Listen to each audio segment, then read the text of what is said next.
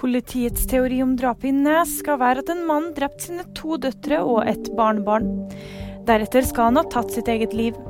En av de drepte kvinnene var ansatt ved Eidsvoll politistasjon. Det var tirsdag i ellevetida at politiet rykka ut en adresse i Nes og fant fire døde personer. Vedum åpner for Borch-comeback. Sandra Borch gikk fredag av som forsknings- og høyere utdanningsminister etter det kom fram at hun hadde plagiert deler av masteroppgaven sin i juss. Trygve Slagsvold Vedum roser Borch for å ta avgjørelsen raskt, og holde døra åpen for at hun kan komme tilbake i regjering og i toppen av Senterpartiet. Bonnie M-skaper er død. Frank Farian sovna fredelig inn hjemme i Miami, Florida tirsdag. Det opplyser familien.